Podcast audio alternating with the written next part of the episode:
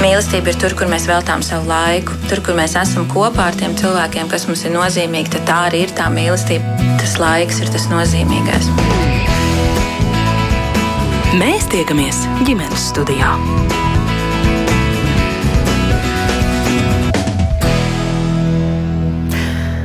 Labdien! Savu skanējumu sāk redzējums ģimenes studiju. Sveicināta producenta Sarmīta Kolāta, mans vārds ir Agnese Linka. Šodien mēs gribam turpināt sarunu par problēmām šķirto vecāku un bērnu saskarsmes tiesībās. Un pat pavasarī jomas nebūšanas izgaismoja Eiropas cilvēktiesība tiesas spriedums, kurā kāds tēvs bija vērsies pret Latvijas valsti, un Eiropas cilvēktiesība tiesa secināja, Latvija nav izdarījusi visu iespējamo un arī nepieciešamo, lai nodrošinātu šī vecāka tiesības tikties ar savu bērnu. Speciālisti izrādās atzīst, ka tas nav nekāds pārsteigums, ka profesionāļu aprindās visi jau sen ir vienas prātas, ka saskarsmes tiesību jomā Latvijā ir samilzušas problēmas, bet ar tādām cīnās arī citas valstis, un mēs ne ar ko neesam unikāli. Taču vai patiesi neviena no institūcijām vai visas kopā nav spējīgas darīt kaut ko, lai virzītos uz šīs jomas sakārtošanu? 27. aprīlī šeit pat šai studijā kaismīgi diskutējām toreiz ar Tiesību sarga biroja bērnu tiesības eh, nodaļas vadītāju, Rīgas bāriņu tiesas vadītāju un arī zvērnātu advokātu, bet daudzas atsaucas bija, tā teikt, citos virzienos. Un, tāpēc mēs šodien sarunā piedalīties esam aicinājuši Rīgas apgabaltiesas civilietu tiesas kolēģijas tiesnesi Ilzi Celmiņu. Labdien! Labdien! Arī Tieslietu ministrijas civiltiesību departamenta direktore Dagnija Palčevska šodien kopā ar mums ģimenes studijā sveicināti. Un attālināti mums pievienojas arī zvērinātu tiesu izpildītāju padomas priekšsēdētāja Iveta Kruka sveicināta. Es sākšu ar eh, jautājumu mm, šeit eh, droši vien studijā klātesošajām dāmām, un vispirms varbūt lūkošos uz eh, Dagniju jums kā tieslietu ministrijas pārstāvu, vai, teiksim, jūs savā amatpozīcijā atrodoties, redzat, ka šis Eiropas cilvēktiesību tiesas spriedums kaut ko maina, paģēra kaut ko darīt citādi, vai tas maina jūsu redzējumu saskarsmes tiesību problemātiku un iespējamiem kādiem risinājumiem? Man šķiet, ka jāatbild divās daļās. Viena daļa ir tā, ka mēs noteikti vienmēr esam gatavi debatēt un meklēt jaunus risinājumus no regulējuma viedokļa. Tā būtu viena daļa.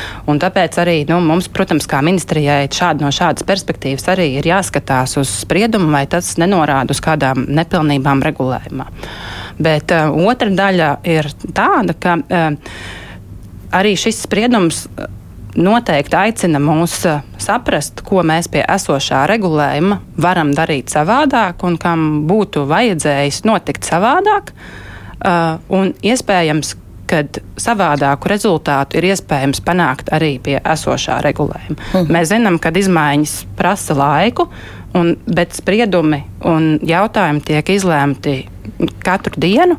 Tāpēc arī nu, arī tam risinājumam ir jābūt arī rītdien, nevis mm -hmm. pēc kādām izmaiņām likuma regulējumā.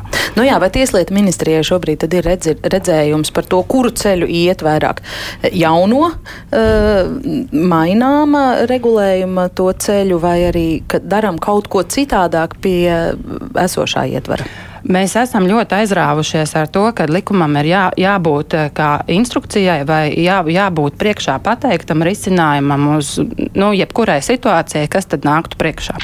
Un man tomēr gribētos teikt, ka uh, mums vispirms ir jāsaprot, un, uh, ko var darīt praktiski savādāk. Jo jebkurš likuma regulējums vienmēr nonāks pie tā, ka tas būs tikai instruments piemērotāju rokās, un, un vajadzēs saprātīgu tā piemērošanu jebkurai normai. Mm.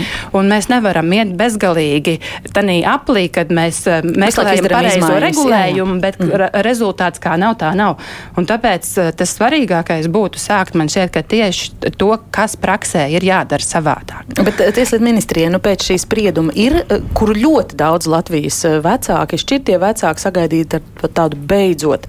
Beidzot, kāds ir pateicis, ka mums ir problēmas, jums ir tagad redzējums, tad kas ir praktiski jādara citādāk esošā likumiskā noregulējuma ietvaros?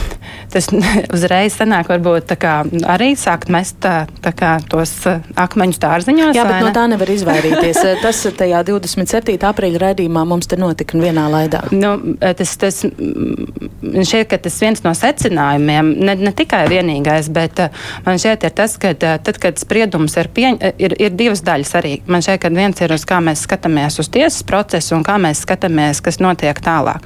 Protams, ka arī tiesas procesā nu, tiesai cik vien iespējams ir jāvar nojaust vai uh, saprast, uh, kad varbūt arī neizpildas riski no kāda no vecākiem.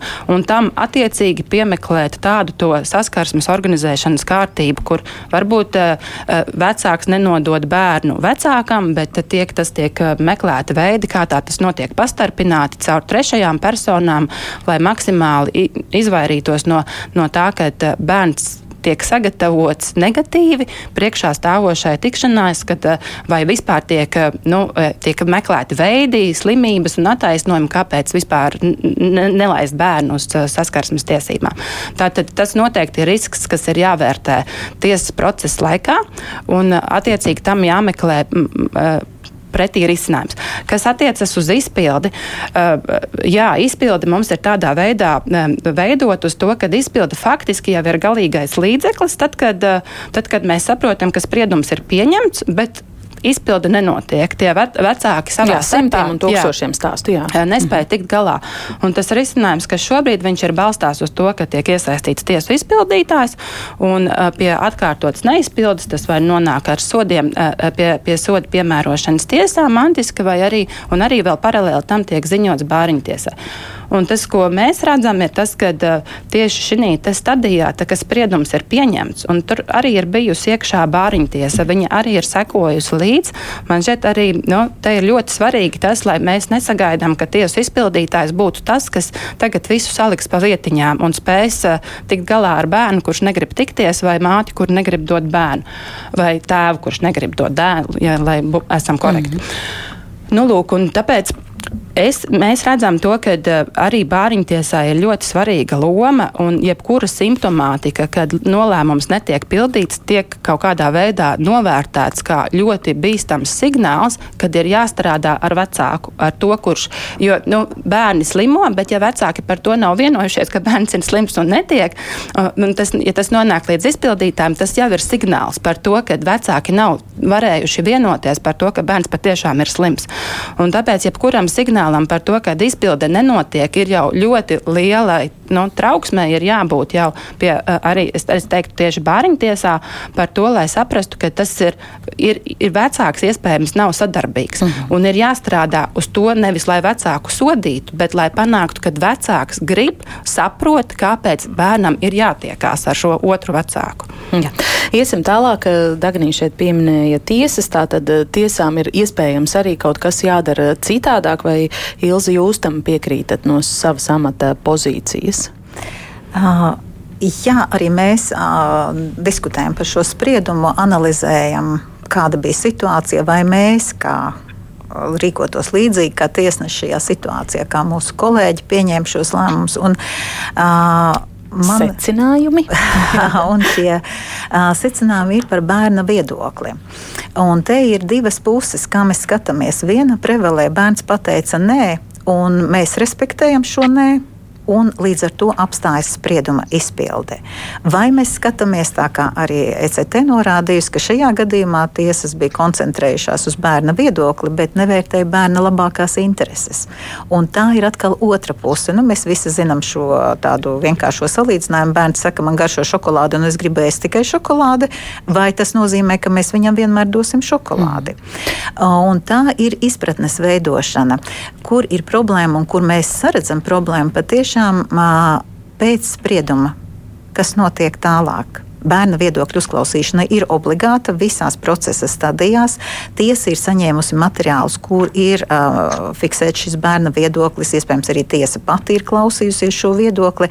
Un tad ir spriedums. Spriedums bieži vien neapmierina nevienu, ne otru vecāku, jo tiesa ir skatījusies bērna interesēs, tiesa tā ir izlēmusi. Bet pēc tam ar bērnu neviens nerunā. Tad kas būtu jādara citādā? Jā, Kāda ir secinājuma? Uh, nu, man gribētos teikt, ka tai jābūt bāriņu tiesai. kā bērnu aizsardzības iestādē Vāriņtiesai būtu pēc šī sprieduma jāsatiekas un jārunā ar bērnu, un bērnam jāizstāsta, ko priekš viņa konkrēti nozīmē šis spriedums. Bāriņtiesas psihologs, bāriņtiesas darbinieki ir runājuši ar bērnu, viņi ienākuši šajās mājās, viņi ir runājuši ar vecākiem. Nu, turpinam šo ceļu, veidojam bērnam draudzīgu šo vidi, lai viņš saprotu, jo pretējā gadījumā bērns ir palicis kopā ar vecāku, kurš ir neapmierināts, dzīvo pie viņa, un katru dienu bērns klausās, vai nu teica, vai mamma ir slikts un tāpēc tev nevajag tikties. Tiesa tevi nesaprata un izdarīja ne tā, kā mēs abi gribējām, jo nu jau tiek personificēts uh, un paņemts šis bērna viedoklis, kā mātes viedoklis. Un arī lasot arī šo um, Eiropas spriedumu, mēs arī redzam, ka uh, tur ir secināts no materiāliem, ka bērna viedoklis bija ietekmēts. Mm, nu jā, tā ir ļoti izplatīta jā. Uh, situācija šajos uh, strīdos. To zina visi, kas ir painteresējušies par jomu. Mm, Īvet, gribu arī jums dot vārdu. Šeit jau arī zvērināta tiesu izpildītāja funkcija un loma parādījās. Teiksim, kā jūs caur šo ECT spriedumu prizmu vērtējat, kam tad ir jāmainās, lai labotu šo situāciju? Ka tiešām um, ne tikai vienam konkrētajam tētim, kurš iztiesā iegādājās līdz um, augstākajam līmenim, bet visiem daudziem šķirtajiem vecākiem bērniem varētu tomēr nodrošināt šīs saskarsmes tiesības? Jā, es teiktu, ka jāmainās ir mums visiem. Uh, gan tiesu izpildītājiem, gan tiesnešiem, gan, gan iestāžu ierēģiem, sabiedrībai kopumā un arī pirmkārt tieši vecākiem. Jo tas, ko redz tiesu izpildītāji, un šeit jums ir jāsaprot, ka tiesu izpildītāji ir, ir ir tie, kuri redzēs nu, tās pērles. Jo es pieņemu, ka ļoti daudzos gadījumos šī saskarsmes kārtība, kādu viņu tiesa būs noteikusi, ja abas puses to ievēro, saprātīgi ievēro, varbūt ar kaut kādām pilnīgi saprotamām atkāpēm, ekskursijas, bērna slimošana, nu, vēl kaut kādi izņēmumu gadījumi, šīs lietas nemaz līdz izpildē nenonāk. Un, un tas ir ļoti arī pareizi. Ja? Tas, ko redz tiesu izpildītāji, tas, nu tā, divos vārdos sakot, tur, tur viss ir slikti. Viss, viss ir slikti un nereti mēs pat nesaprotam. Mm, te tikko runājām, ka tiesai būtu varbūt jājūt, ka tur kaut kas nākotnē nebūs labi, bet ļoti bieži tiek slēgti arī izlīgumi. Izlīgumi pats par sevi jau tā kā prezumē, ka puses ir nonākušas pie kopsaucēja. Ja, nu, tā kā liekas, nu, paldies Dievam, gaisma tuneļa galā ir, ja jau puses izlīgst, vienojušās, tad, tad nu, tur viss šis stāsts ir atrisināts. Bet nē, nonāk arī izpildē izlīgumi, un tad tajā brīdī arī tās pārdomas ir, Ja jau jūs toreiz izlīgāt, tad, tad kas ir mainījies? Kāpēc piepeši tad, kad tas, kas ir izlīgts, par ko puses ir vienojušās, ko tiesa ir apstiprinājusi, arī ņemot, bēr, ņemot vērā bērnu intereses, kāpēc tagad tas ir viss mainījies? Un, un šis ir to, to lietu milzīgais tas svars, ka, kas arī ietekmē to lietas gaitu, ir šis emocionālais fons. Jā, tur, tur nereti apakšā ir šis divu pieaugušu cilvēku neatrisinātas attiecības, kas tiek rēķinā, kas tiek paveiktas uz, uz bērna rēķina. Nu, tā ir tā skaudrā realitāte. Man šobrīd nereti pat liekas, ka, ka kaut kādos pavisam kritiskos gadījumos šeit varbūt būtu jāsaka pagaidām iepauzējam ar to saskarsmi, bet abiem šķirtajiem vecākiem vai, vai tātad kopā nedzīvošajiem vecākiem, man liekas, viņiem abiem ir jāiet pie psihologa un jārisina, un jārisina šis stāsts, ka mēs vairs neesam kopā, bet mēs varam būt abi kopā labi vecāki, jo tas ir bērnu interesēs. Jo tie gadījumi, nu, kas, nāk, kas nāk pie mums, ir nu, nu, dramatiski. Nu, sākot ar to, ka, piemēram, tēta jaunā draudzene ir ragana, kurā ēd mazus bērnus, un tāpēc tas bērns arī paniski baidās iet tētim līdzi nu, reāls piemērs. Mm -hmm. ja? nu, jā, bet... un, un viņš. Piedodiet, ka es jūs mhm. pārtraukšu. Tas tiešām bija ļoti spilgts piemērs. Es domāju, ka ar to vien pietiek, lai turpinātu. Bet tas, ka vecāki ir nesaprātīgi, par to mēs eh, šķiršanās gadījumā daudz cilvēku kļūst traki. Par to mēs domājam, esam visi vienisprāts, bet valsts un valsts iestādes un institūcijas tāpēc ir mums izveidotas, lai sargātu šos vājākos sabiedrības locekļus. Tieši šajā gadījumā tad ir bērni, bērna labākās intereses. Nu, droši vien utopiski būtu pieņemt, ka mēs um, varam runāt tikai par to, ka sabiedrībai jāmainās, vecākiem jānāk pie prāta un ka tādējādi varētu labot kaut ko uh, šajā jomā. Nu, tad jūs neredzat, ka ir kādas uh, institūcijas vai kāds posms uh, šajā sistēmā, kas būtu stiprināms un kas varētu uzlabot savu darbu vai efektivitāti, lai tiešām sniegtu sniegtu to aizsardzību? Jā, jā. Tas, tas, ko es arī teicu, es noteikti saskatu, ka šie te, pirmkārt, tie gadījumi visi ir tik individuāli, ka šeit uzreiz varu pateikt, nebūs vienotas formulas, bet tas, kas man liekas noteikti būtu jāstiprina, tieši šī sadarbība, kur mēs redzam, ka ir problēmas ar bērnu viedokli, jo es jums varu pilnīgi arī no prakses divus pilnīgi pretējus piemērus pateikt, kad vienā gadījumā šī saskarsme bija, bija diviem bērniņiem, brālim un māsai. Brālis priecīgs, ka tētis ir ieradies pakaļ, ģērbjās, taisās, māsa stāv un, un, un nodūrusi acis paziņo, ka viņa nenāks līdzi. Paldies Dievam, tieši tētim, šim te otram vecākam bija pietiekoši daudz tās intuīcijas un, un tās uh, nezinu, empātijas vai, vai kaut kāda šī emocionālā saikne. Viņš, viņš nolaidās zemāk, paskatījās meitai acīs un, un vienkārši ļoti laipni pajautāja, kāpēc. Un tas iemesls izrādījās ļoti saprotams. Meita gribēja laiku tikai ar tēti, bez brāļa. Ja? Un, un tētis apsolīja, ka tā arī būs, ka viņi aizies kopā pastaigā un, un, un, un kaut ko izdomās tikai diviem vien. Un, un tas tā arī tika atrisināts, jā, bet es pieņemu, ka nevienmēr šis nostrādās. Un kā tādās situācijās rīkoties, kā, atš, kā atšķirt, kur šis bērna viedoklis ir iespaidots negatīvi, bet kur viņš ir iespējams nu, tīri arī saprotami, kā jebkurā arī, arī pilnā ģimenē varētu veidoties nu, kaut kādas šīs savstarpējās attiecības ar kaut kādu nu, asumiņu, teiksim tā, jā, vai arī pusauģu meitene. Viņa labprāt ar tēti tiekas, bet pienākot vakaram, viņa, viņa saka, bet es gribu mājās. Es gribu mājās, un pie mammas arī tētis ļoti korekti respektē meitas vēlmi, un, un, un viņa nepaliek nakšņot pie mammas, viņa brauc nakšņot atpakaļ uz mājām. Bet saskarsme ir bijusi, mērķis ir sasniegts. Tad pavisam īsi, ja es drīkstētu, bet konkrēti par bērna viedokļa noskaidrošanu, tad šajā virzienā ir kaut kas jāmaina vai jābūt tā, kā tagad ir?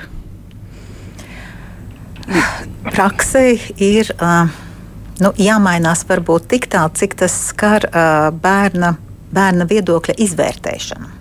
Nu, tur ir vajadzīgs vēl varbūt labākas zināšanas. Kam? Uh, visiem iesaistītajiem, es domāju. Nu, konkrēti sauciet. Uh, gan arī uh, tiesnešiem, gan arī bāriņtiesu darbiniekiem. Jo tad, kad mēs saņemam bāriņtiesas atzinumu, bieži vien ir tā, ka tas uh, tā kā piespēlē kādam no vecākiem, bet arī mēs esam diskutējuši ar bāriņtiesām un teikuši, jums nav saistoši tas, ko grib vecāks. Jūs esat bērna balss tiesas procesā. Nu, pasakiet, šim bērnam, kāda ir labākā saskarsme. Psihologi saka, bieži vien no temperamenta ir atkarīgs. Tad, kad mēs kā saskarsmes personu zālē aicinām psihologus, viņi mums saka, šim bērnam ir tāds temperaments, viņam vajag bieži un īsas tikšanās, bet šim bērnam der garas un ilgas tikšanās. Tāda ir nu, viņa temperamenta tips, mm. tāds ir tas psiholoģiskais raksturojums. Un caur to bāriņtiesa veicot izpēti, tam vajadzētu parādīties. Biežāk vajadzētu parādīties, un tad, kad uh, zālē veidojas arī konflikts situācijas. Bāriņu tiesai vajadzētu pirmajai lekt augšā un sākt aktīvāk reaģēt. Procesā ir ļoti labs instruments. Pagaidu, aizsardz, pagaidu šis noregulējums ir pagaidu arī aizsardzība pret vardarbību, kas dažreiz arī tiek izmantota kā. Ne tikai dažreiz, kā, bet bieži. Tiek, nu, varbūt ne tik bieži, bet uh, kā tāds uh, veids, kā pasargāt no otra vecāka vai nepieļaut otram vecākam uh, tikties. Bet tas ir tieši tajās, kur ir problēmas Jā. jau uzmilzušas. Arī runājam šodien. Un tad arī parādās tas, par ko arī Dagnija runāja, šis risks. Un tad vajadzētu būt pirmai, uzreiz efektīvai rīcībai. To tiesa varbūt pat neredzēs.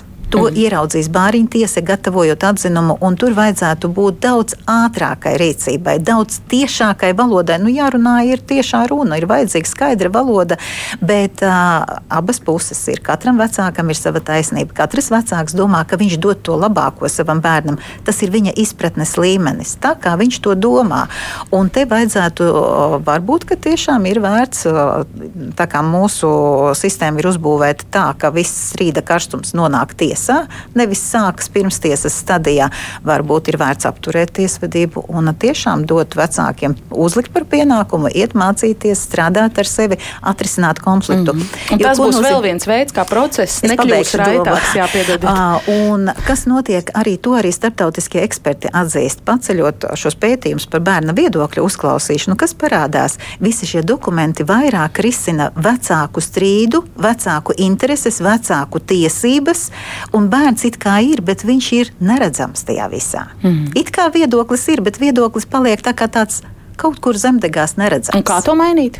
Un to vajadzētu mainīt tā, ka viņš parādās augšā. Mums ir brīnišķīgi, no 21. gada uh, ir spēkā jauna grozījuma bērnu tiesību aizsardzības likumā. Sastajā pantā ir tests ielikts bērna labākās intereses pasākumi, 13 punkti. Ejam caur šiem punktiem, skatāmies, vai tas, kas notiek, bērna lojalitātes konflikts, lai pasargātu bērnu no lojalitātes konflikta. Tajā brīdī, kad bērns saka, tētis draudēja mammai, un viņam prasa, kā tu to vari zināt, zināt. Man mamma to pateica. Mm. Tas jau ir signāls, Tests ka bērns ir, bet lietots netiek. Es pareizi netiek saprotu. lietots pietiekami bieži. Mm -hmm. Kā panākt, lai tiktu lietots biežāk? Dagnī? Um, jābūt redzošākiem. Man šķiet, ka um, nu, nu, spriedumam vajadzētu būt tādam, ka viņu var izpildīt. Un lielākā daļā gadījumu tā arī ir. Un, ja patiešām nonāk tādā punktā, kad spriedums nepildās, Eh, tad tas, eh, nu, tas eh, ir jābūt redzošiem uz signāliem, kas, kas ienākās. Un, mm. Patiešām man gribētos teikt, ka bāriņtiesa jau nav tikai tāds, kas sniedz atzinumu vai, vai, vai iet uz tiesu vai atņem aizgādības tiesības. Bāriņtiesai ir iespēja meklēt, kā sadarbību ar vecāku, kā panākt to. Un man šeit tas ir tas svarīgākais. Ja, ja spriedums ir, mēs prezumējam, ka tur bērna intereses ir un viņām tur ir jābūt. Un tātad mums ir jāpanāk, kādā veidā spriedums darbojās tagad praksē. Un, uh, ja, ja ienākās kādi simptomi par to, ka spriedums netiek pildīts, ir jāmeklē veidi, kādā iedarboties uz šiem vecākiem. Jā. Un tas, tas veids, kā iedarboties, tas, ko es gribu teikt, ir virkne ar pakalpojumiem, kas ir pieejami dažādu dienestu līmenī, pašvaldību līmenī. Bet vai kādam, kurš redz, kad ir šis vecāks, un ir kādam, kurš runā ar šo vecāku, un ir uh, jāpanāk vecāka līdziesaiste šo jautājumu uztvert kā risināmu jautājumu. Var iedarboties ar soda stadiju, bet man šķiet, ka tas jau nav tas vēlamais ceļš, kad mēs gribam panākt, ka caur sodīšanu vecāks saprot, ka viņam bērns ir svarīgs. Jo tas, tas jau nesa, nesasniegs to mērķi. Svarīgi ir, kad vecāks jūt un saprot to, ka bērns ir svarīgs arī uh, gan viņam, gan arī kā bērns tiekas ar otru vecāku. Ja, un, un tieši, tieši par šo pie šāda secinājuma mēs nonācam arī iepriekšējā sarunā, ka, ka pieminētās sviras, soda sviras ir policijas, tiesas, bāriņtiesas, Un uh, ceturtais tika piesaukts arī zvērinātu tiesu izpildītāju visu šo četru institūciju rokās, kā vērsties pret uh, saskarsmes tiesību nepildītāju, tātad pret to vecāku, kurš nedod otram vecākam pēc nolēmuma tikties ar bērnu. Un tiesības sarga pārstāve mm, Gravers kundze saka, jā, visas šīs četras puses skatās viena uz otru un gaida, kad kāds tomēr mm, uh, vērsīs taisno, taisno sodu, taisnīgo bet saskarsmes tiesību neievērošana un, un tiesību nepildīšana turpinās. Tiesas pārāk maigi izturas, neliek sodus saskarsmes tiesību pārkāpējiem. Policija saka, ko tad mēs tur ierosināsim kriminālu procesus. Un bāriņtiesu jūs arī nemitīgi šeit piesaucat, un Krasno Golova kungs pagājušreiz te bija apvainojies arī uz, uz visiem, kas pārmet nemitīgi kaut ko bāriņtiesām. Un arī šeit četras institūcijas tā kā ripina to, to, to akmeni vienu pie otras. nu, kaut kādā ziņā man šķiet, ka taisnība ir visiem. Visiem ir jābūt redzīgākiem. Un arī, neviens. arī mēs to pašu runājam pie vardarbības. Visiem ir jābūt redzīgākiem uz, uz lietām, kas notiek. Gan, gan arī tā pati cilvēktiesība tiesas lieta konkrēti. Viņa skaidri un gaiši iezīmē to, ka varbūt katrs atsevišķs viens gadījums vienā lietā var, to var norīt, ar to var tikt galā, ja sistēma pati strādā efektīvi. Bet, ja salasās vesels tāds nu, e, e, lietu kopums, tas, tas, tas, tas to visu nobremzē un būtībā saskarsme. Nu, bet, jābūt, eh, kā atvērt, kā atvērt redzīgumu.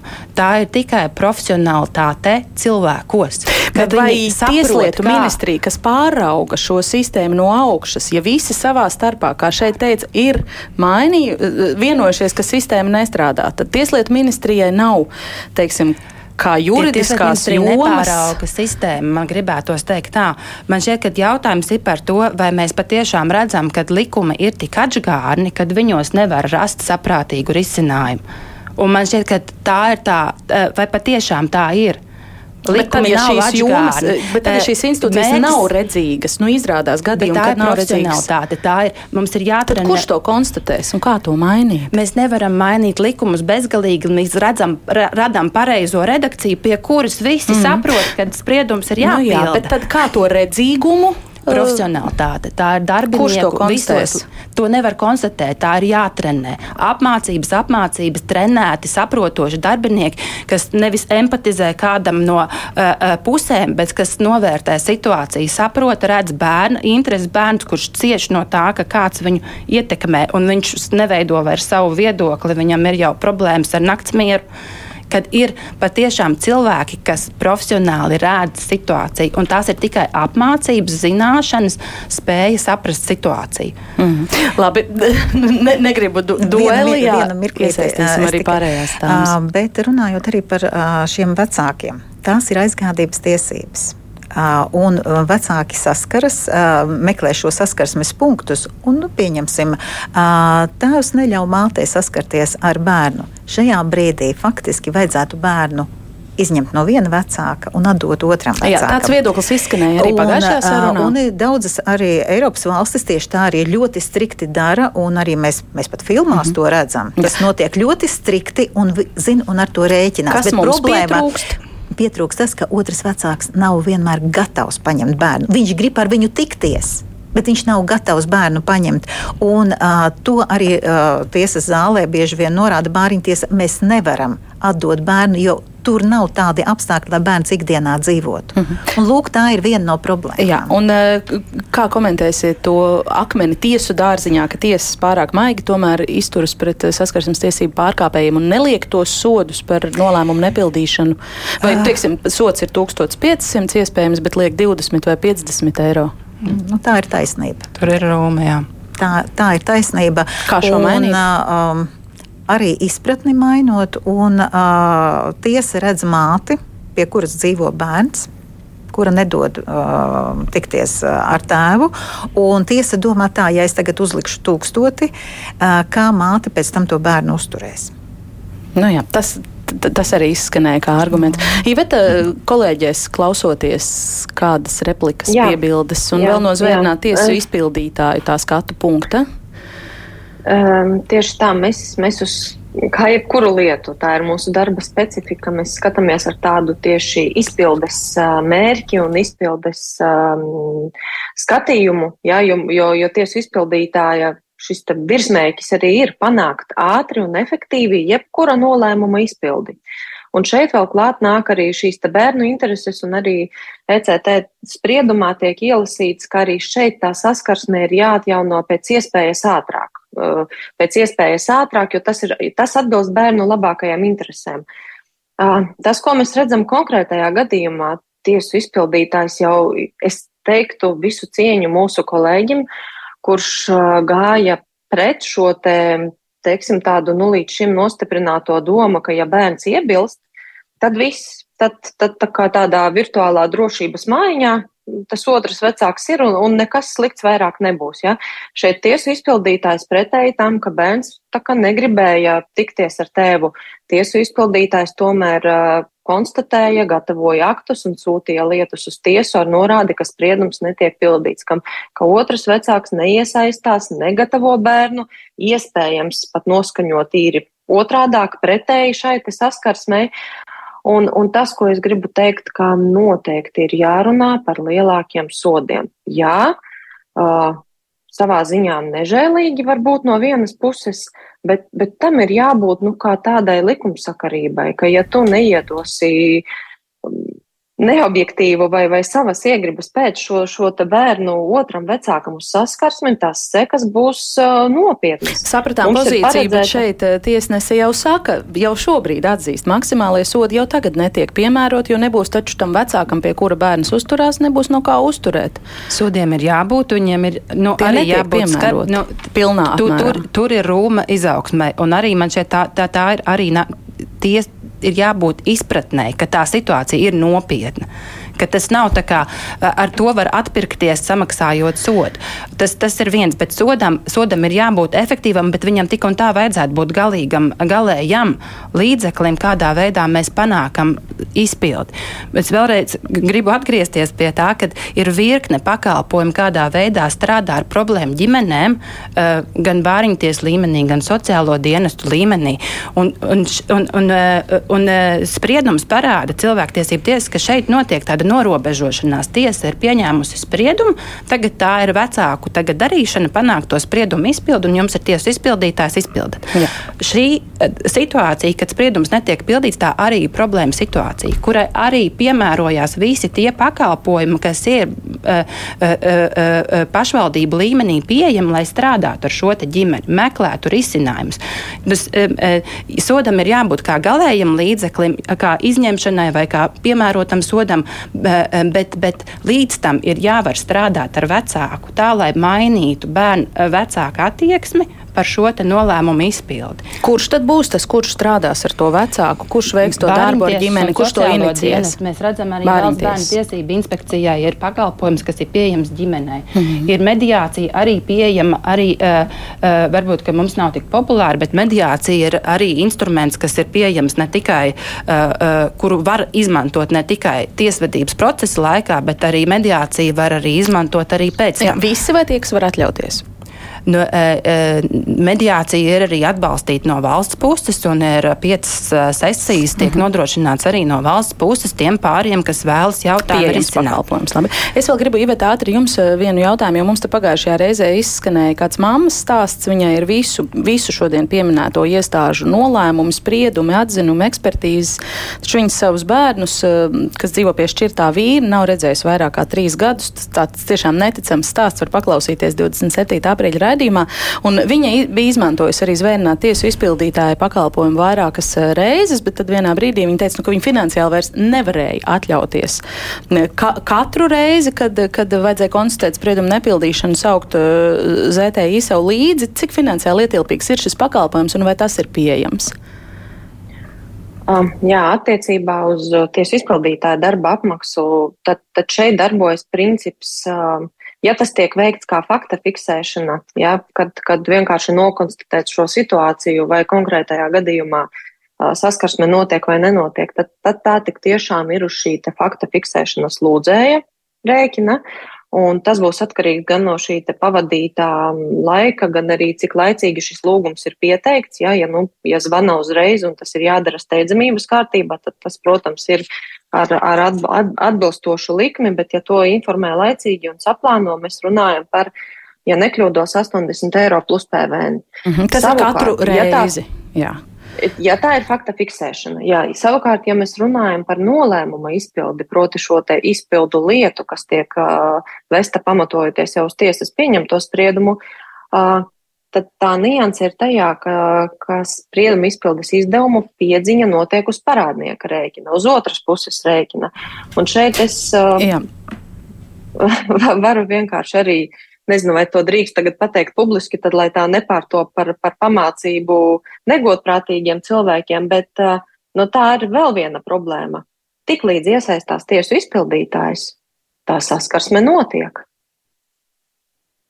Ja? Tad, kad blakus stāv tiesu izpildītājs, jā, durvis tiek atvērtas, bērniņš tiek iedots, tētis beidzot, beidzot par entajiem mēnešiem ir saticies, un arī es stāvu blakus un jūtos tikpat, tikpat uh, nelaimīga un laimīga vienlaicīgi, ja, uh, Jo tad, kad ir tiesu izpildītājs, saskarsme notiek. Tad, kad sapratām, nav tiesu izpildītājs, sapratām, jā, pausto pavisam īsi, vai, vai, vai tas eh, zvērināt tiesu izpildītāju iesaistē un tas, kas tā, finansiāli tiek prasa to, vai, vai, vai tā ir problēma?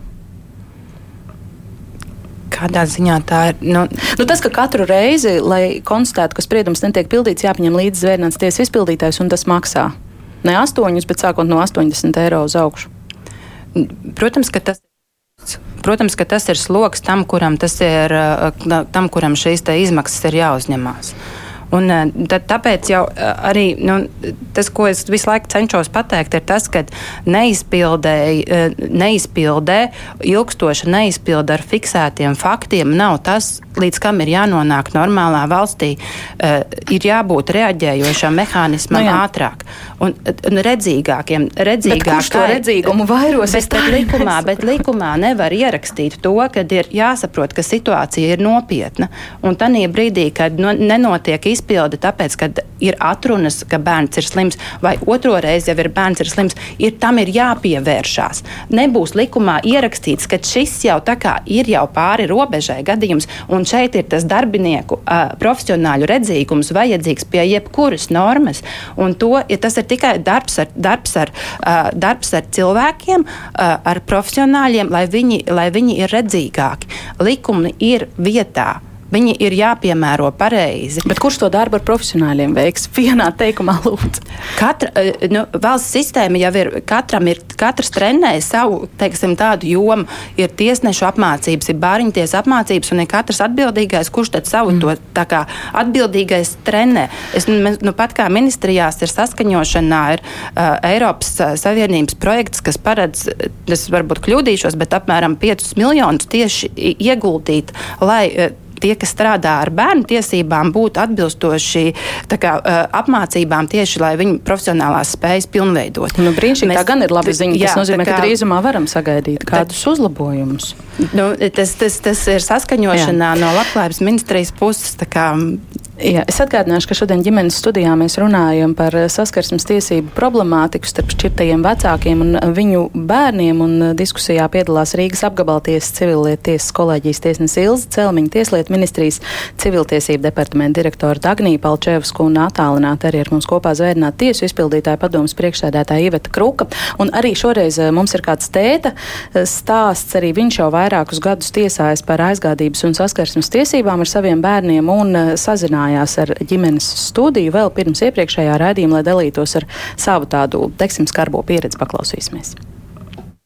Trīs ar pus gadus atpakaļ tika uzsākts eh, šķiršanās process. Norunājām, ka mēs rakstīsim uh, katrs nosacījumus, idejas, punktus un dosimies pie notāra un norunātu, kā mēs audzinām kopīgi mūsu bērnus, nesot vairs abi kopā. Kamēr es uh, rakstīju šos punktus un tiešām konsultējos ar bērnu psihologiem, interesējos, kā tas būtu visveiksmīgāk tieši bērniem. Tikmēr saņēmu pieteikumu no sievas tiesā par saskarsmes liekšanu uzturlīdzekļiem. Un tad arī sākās scenārijs, par kuru es biju iepriekš vēl kopdzīvē saņēmis draudus no pretējās puses par to, ka, ja neīstenošu zināmas tādas un tādas vēlmes, man tiks atņemti bērni. Man tas tajā brīdī likās tā neiespējami, jo ir tiesu sistēma, uz uh, kuru man līdz zināmam brīdim bija paļāvība, ir policija, tā teiksim, mūsu tiesu sistēma.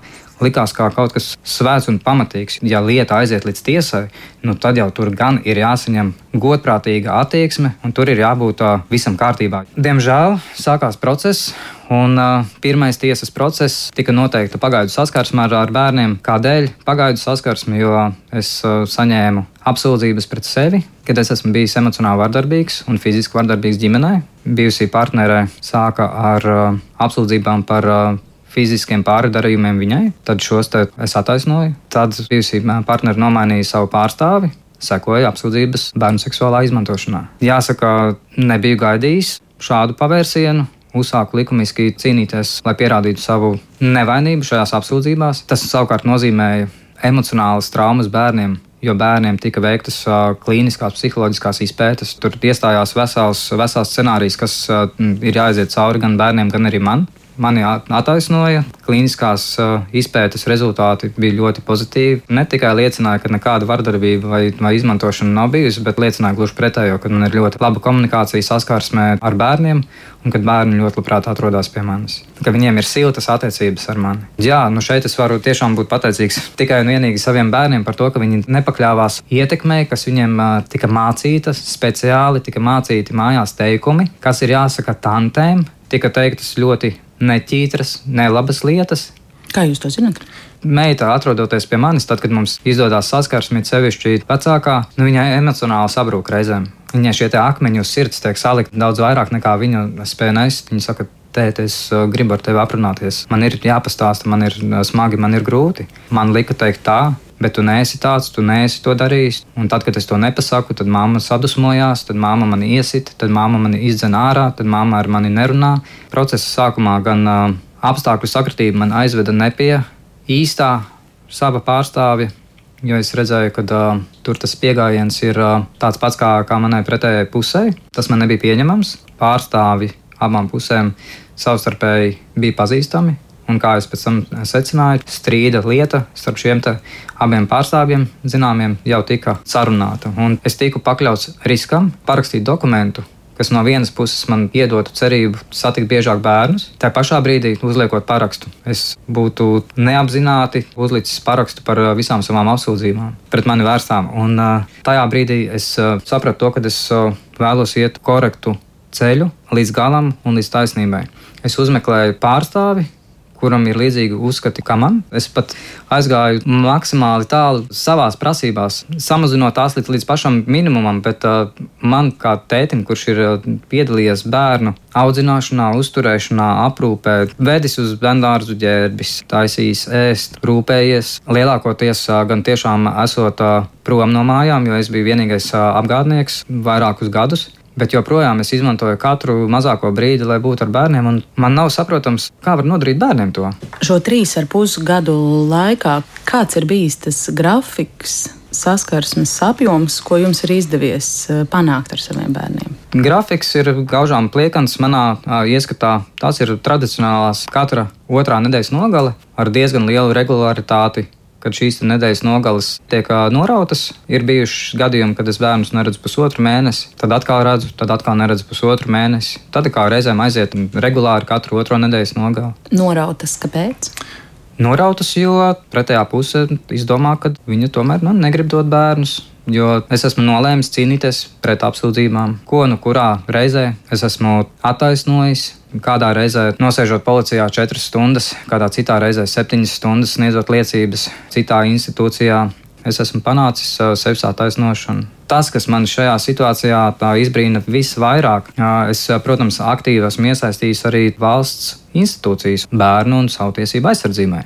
Bāriņtiesa, Valsts bērnu tiesību aizsardzības inspekcija, tiesības sargs, policija, prokuratūra. Tiesai esmu minējis uh, visus, visus arī blakus apstākļus. Man nav izprotama šo tā, institūciju reaģēšana. Pareizāk sakot, tā nav nekāda. Vietējā bāriņtiesā tiek iesniegti konkrēti pierādījumi gan par mātes vardarbību, gan par mātes emocionālu vardarbību pret bērniem. Ir policijas lēmums izmeklēšanas rezultātā izdarīts lēmums, kad māte ir bijusi emocionāli un fiziski vardarbīga pret bērniem. Šis iesniegums nonāk bāriņtiesā, Bārņtiesas priekšsēdētāja nogādā šo iesniegumu uz administratīvo komisiju, kurā viņa pati ņem dalību un administratīvās komisijas sastāvā pati nobalso par to, ka šis iesniegums ir noraidāms.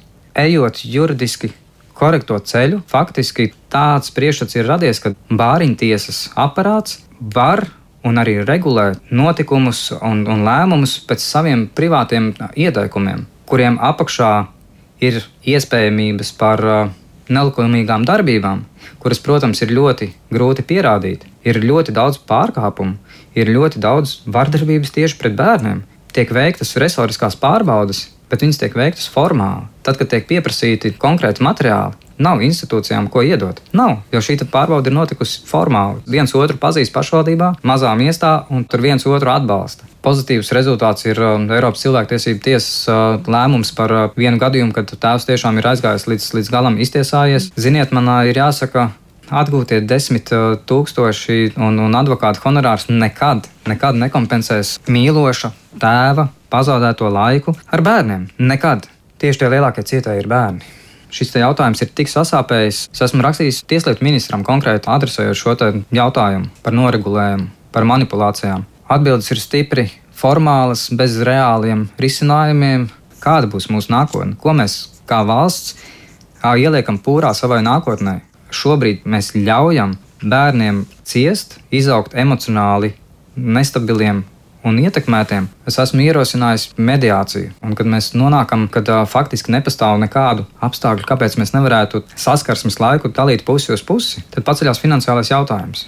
Kas arī bija pamat jautājums, kāpēc šī laulība tika šķirta un kāpēc arī ģimene izīra. Ir zinātniski pierādīts, ir konkrēti pētījumi, kad uh, bērnam saskarsme ar abiem vecākiem visveiksmīgākā ir, ja tā ir uh, vienlīdzīga. Skandināvijā šis modelis ir 50 uz 50, kad bērns divas nedēļas dzīvo pie mātes un divas nedēļas pie tēva. Abiem vecākiem tiek uh, šis aprūpes prieks, saskarsmes prieks un arī finansiālais noregulējums uzreiz atkrīt, jo abi vecāki uztur bērnus. Tas ir tas, ko jūs vēlētos. Vai Jā. jūs, vai jūs saredzat tiesisku ceļu, kā šobrīd panākt tādas saskarsmes tiesības, tādu apjomu ar bērniem? Nē, tiesisku ceļu nē. nē.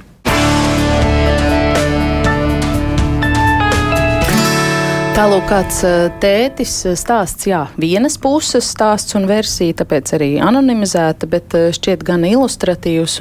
Jāsaka, ka man liekas, ka te parādījās viss, gan bāriņtiesas, gan mediācijas, gan psihologi un, un viss iespējamais, par ko mēs šodien šeit bijām runājuši. Bet tāpat tētis jūtas, ka viņa saskarsmes tiesības netiek ievērotas. Es vēl piebildīšu, ka viņš arī savā situācijā zvērināt tiesu izpildītāju pakalpojumus nav izmantojis, jo gluži vienkārši viņš skaidroja, ka tas ka viņš baidās, ka tas būs kārtējo reizi traumējoši pašiem viņiem bērniem, kuri jau tā ir tikuši pakļauti iztaujāšanām, ekspertīzēm un visam tam, kas notiek tās nemitīgās tiesāšanās un dažādu paralēlo procesu dēļ trīs lietas gribu akcentēt viņa teiktajā. Nu, tas, ko viņš teica par to tiesisko nihilismu, ka viņš ir cieši ticējis, eh, ja nemaldos, nezinu precīzi, bet pats kā jurists iespējams tiesu sistēmai un, un ka, ka tur ir pārmetumi tai virzienā par bāriņu tiesām un negodprātīgu bāriņtiesu rīcību un par juridiskās pārstāvības ētiku un uh, schēmām. Arī iepriekšējā raidījumā šeit uh, Rīgas bāriņtiesas vadītājs teica, ka un visi piekrita, ka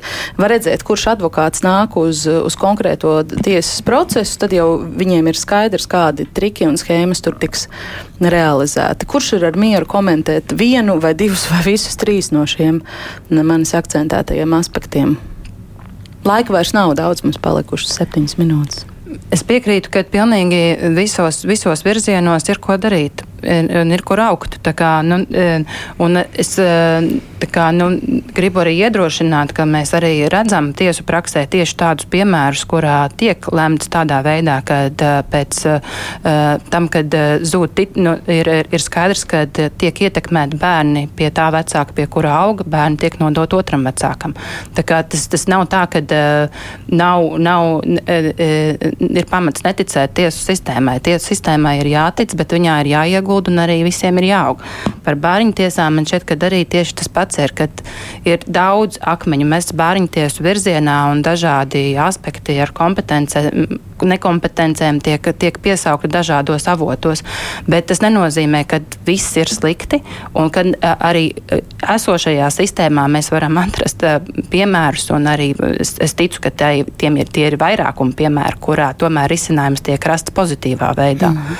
Bet, jā, nu, visiem ir jākļūst saprātīgākiem un redzīgākiem un profesionālākiem, bet par to bāriņtiesu darbību un izmaiņām runājot un reorganizāciju iespējamo, vai tieslietu ministrija redz konkrētus darba plāna punktus šai virzienā?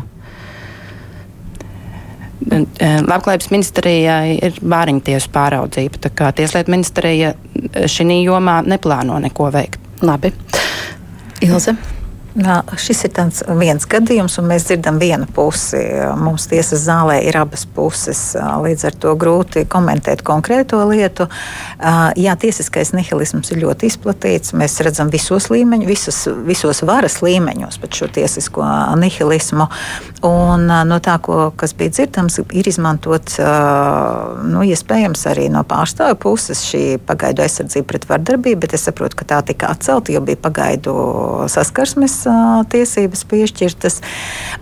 Ja netiek izmantoti šie piespiedu mehānismi, ir grūti, kā var nokonstatēt, ka saskarsme vairs nav iespējama, jo likumā jau ir ierakstīts, ja saskarsme, nu, ja sprieduma izpilde nav iespējama, tad var grozīt, var mainīt, var likt saskarsmes personu Jo iespējams ir bijis slikts padomdevējs, kas nav ieteicis iet šo ceļu, jo gan piedzinējs pats var, nu, šajā gadījumā viņš kļūst par piedzinēju piespiedu izpildes procesā, varēja vērsties tiesā un lūgt mainīt. Jo, ja šī saskarsme nestrādā, tad ir jāiet nākamais solis un jālūdz mainīt šī saskarsme. Mm. Jā, bet tēta argumentu par to, ka viņš neizmanto šo zvērinātu tiesu izpildītāju tikai tāpēc, lai tālāk neaizietu ķēdītē visas ekspertīzes un atkal tā kā bērni netiktu tam visam pakļauti, pieņemat?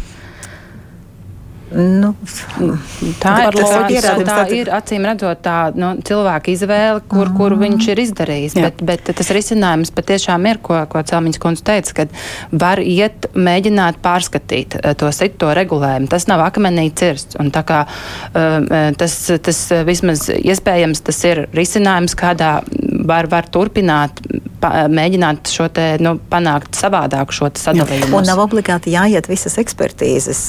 Tā regulējums ir, ka šo pašu spriedumu var grozīt šo kārtību, var mainīt, var ieviest saskarsmes personu. Nav jādzina viss lielais process. Nu, tāpēc man, manā, man liekas, ka slikts padomdevējs ir bijis. Un te mēs arī nu, runājam. Nu, padomdevēji ir mainīti, jā, jā. process jau iet tur arī gadiem. Un, un par šo, protams, arī, ja, ja klients redz vai otra puse redz, ka tur pārstāvis izmanto šīs negodprātīgās, neētiskās metodas, mm. un tur ir advokāts, ir advokāta padome, kas ļoti nopietni strādā pie ētikas pārkāpumiem. Jā. Iveta, tā sanāk, ka jums pēdējais vārds. Jā, es ceru pabeigt uz tādas pozitīvas nots. Um, par konkrēto gadījumu, jā, nu, grūti viņu komentēt līdz galam, nezinām arī otras puses apstākļus, bet es katrā ziņā neteiktu, ka tiesu izpildītāja iesaiste ir traum, traumatējošāka vai tieši attiecībā pret bērnu. Tas, ko mēs nereti saskatām, tad, kad iesaistās tiesu izpildītājs, tad varbūt vēl bišķiņ tas konflikts starp abiem vecākiem palielinās. To es gan atzīstu. Jā, no aptuveni, ah, tagad tu vēl arī tiesu izpildītājiem esi lietu iesniedzis. Ja runājam par bērniem, tad es domāju, ka nē, jo tiesu izpildītāji mēs arī regulāri veicam apmācības un, un, un daram visu iespējamo, lai šī sprieduma izpildes kontrole būtu mazāk traumējoša, ļoti neitrāla, katra bērna vecumam atbilstošā, teiksim, teiksim formā. Bet uh, tas, ko es vēl gribu pateikt, ir arī monētas otra puse. Mēs šobrīd uh, esam koncentrēti uz to, ka tas vecāks, kurš dzīvo kopā ar bērnu, nu, ir tas, kurš liek, liek šķēršļus, noskaņo, un tas otrs, kurš dzīvo atsevišķi, nu, netiek pie šīs saskarsmes, bet ir arī monētas otra puse un tikpat sāpīga. Uh, katru trešdienu mamma sagatavo bērniņu, bērniņš arī gaida tēti, un tētis neierodas. Un, un, un mamma man izmisumi, izmisusi zvana un saka, bet Iveta, bet es, es, es labprāt viņu, nu, vismaz nodarbinātu ar kaut ko citu, ja, nevis gatavotu tai pulkstens pieciem, kad būtu tam tētim jābūt, ja es zinātu, ka tas tētis nebūs. Bet tētis ir tiesājies, visas iestādes izgājis un piepeši vairs negrib. Un arī tā ir problēma. Cēlonis tas pats, bērna labākās intereses. Mēs, diemžēl, esam vecāki. Diemžēl ir kaut kur, kaut kādā brīdī aizmirsuši, bet, bet cieši nu, tieši šie bērni. Un, un tas ir tas, ko mēs vēl redzam, kas, kas arī ir to par vien lielāka problēma, ka pēc tiesvedībām tas spriedums vairs nevienam nav vajadzīgs, nu, respektīvi prasītājiem. Lūk, nezinu, vai mums izdodas pabeigt uz pozitīvas nots, diez vai, bet droši vien, ka jāliek daudz punkts šai sarunai. Mums atvēlētais laiks šodien beidzies. Paldies tiesnesei Ilzai Celmiņai, Tieslietu ministrijas pārstāvē Dagnijai Palčevskai un zvērnātāja tiesu izpildītāja Ivetai Krukai par sarunu šodien ģimenes studijā. Raidījumu šodien veidoja Sarmīta Kolāta, Mārtiņš Paeglis, es Agnes Linka. Rīt par skolānu nodarbinātību vasarā sarunāsimies, kā vienmēr no diviem līdz trījiem. Klausieties mūs arī podkāstos mobilajā lietotnē uz sadzirdēšanos.